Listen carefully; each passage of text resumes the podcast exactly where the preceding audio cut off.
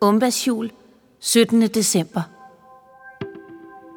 Den nat havde Bartolin Fyrkat og Madame Tønnesen fortalt Umba og Felix om, hvordan Juliane havde sendt dem ud og undersøge verdenssituationen.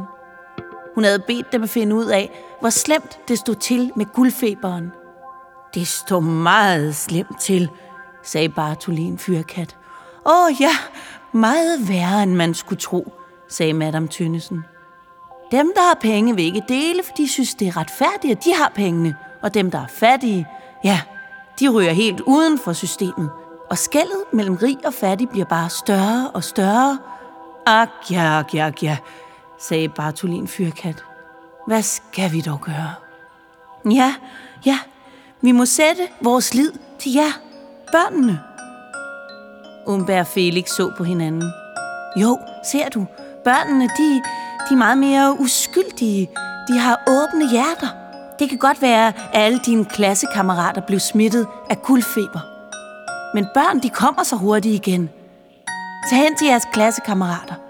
Det er der, det skal starte. Vi skal have magien tilbage. Troen på, at der findes noget andet end trummerum. Ja, Umberg og Felix. I må tage affære, sagde Bartolin Fyrkat. Vi gamle, vi er for gamle. Og med de ord lagde han sig til at sove. Han snorkede, så hele værelset rystede. Madame Tønnesen slog en lille prut, vendte sig om og sov ligeledes tungt og snorkende. Felix og Umba så på hinanden og kunne ikke lade være med at smile. Fint nok. Det er op til de syvårige at redde verden, sagde Felix. Helt sikkert, sagde Umba. Den klarer vi da bare. Men skal vi ikke vente til i morgen? Og så havde de lagt sig til at sove. Næste morgen var Madame Tønnesen og Bartolin Fyrkat væk. Umba sagde, at de gik i skole, og Umbas forældre, som næsten var helt dem selv i dag, sagde, godt, så er der da noget, der er, som det plejer, og sendte hende afsted med et kys og have en god dag. Over i skolen sad alle børnene. Lurifax Nissen havde sørget for, at alle børnene var blevet sig selv igen, men Yvonne havde han undladt at trylle tilbage. Hun sad i stedet for midt på kateteret med en gullerod. Hun var en langhåret angora-kanin med de blødeste, lange hvide ører og røde øjne. Hun vibrerede med næsen, da de kom ind. Som for at sige, godmorgen børn, lad os komme i gang. Umba gik op og stillede sig ved siden af Yvonne. Alle børnene blev stille og kiggede forventningsfuldt på hende. Lurifax havde fortalt dem lidt om, hvad der var sket. Og Umba sagde, Åh, jeg er så ked af, at jeg smittede jer alle sammen med guldfeber.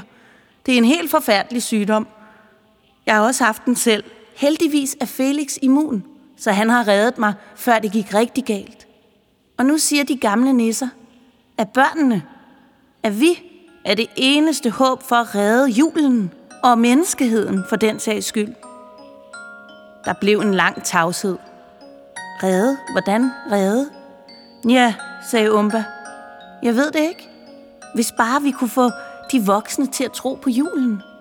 Hvis vi kunne få dem til at tro på nisser, på julemanden. Men de tror jo ikke på det. De kan ikke se magi, fordi de er blevet blinde på en eller anden måde. Voksenblinde. I det samme gik døren op. Det var Fidimus Poulsen, skolens rektor. Og bag ham stod en pæn, lidt ældre dame i en stram kjole med en lang pegepind. Ja, godmorgen, børn, sagde Fidimus Poulsen. Jeg er ked af, at vi har forsømt undervisningen de sidste par dage, men Yvonne, hun er syg. Alle børnene kiggede på den lille kanin og tænkte, at Fidimus slet ikke anede, hvad der foregik. Nej, så derfor har jeg skaffet jer en vikar. En rigtig sød vikar, der vil være her, indtil Yvonne bliver rask. Og jeg har sagt til hende her i julemåneden, der må vi hygge os lidt, ikke sandt? Damen nikkede alvorligt. Så tag godt imod Alena. Han sagde det på sådan en måde, så børnene skulle begynde at klappe. Og det gjorde de så. Og Alena trådte ind i klasselokalet og bukkede og nejede til klapsalverne.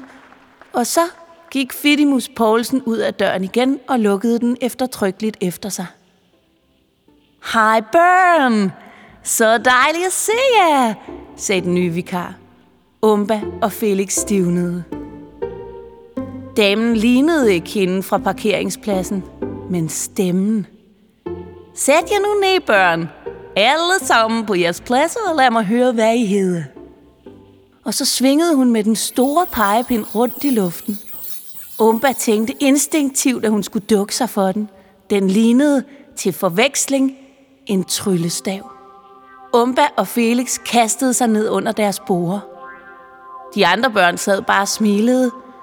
Og en, to, tre, så sov alle børnene. Undtagen Umba og Felix, der lå under deres borer. Skrækslagende for, hvad damen nu kunne finde på. Nå, I kunne kende mig, I to, Umba, Felix. Jeg sagde bare vent, ikke også? Og her er jeg så. Nu er det slut med jeres små juleleje.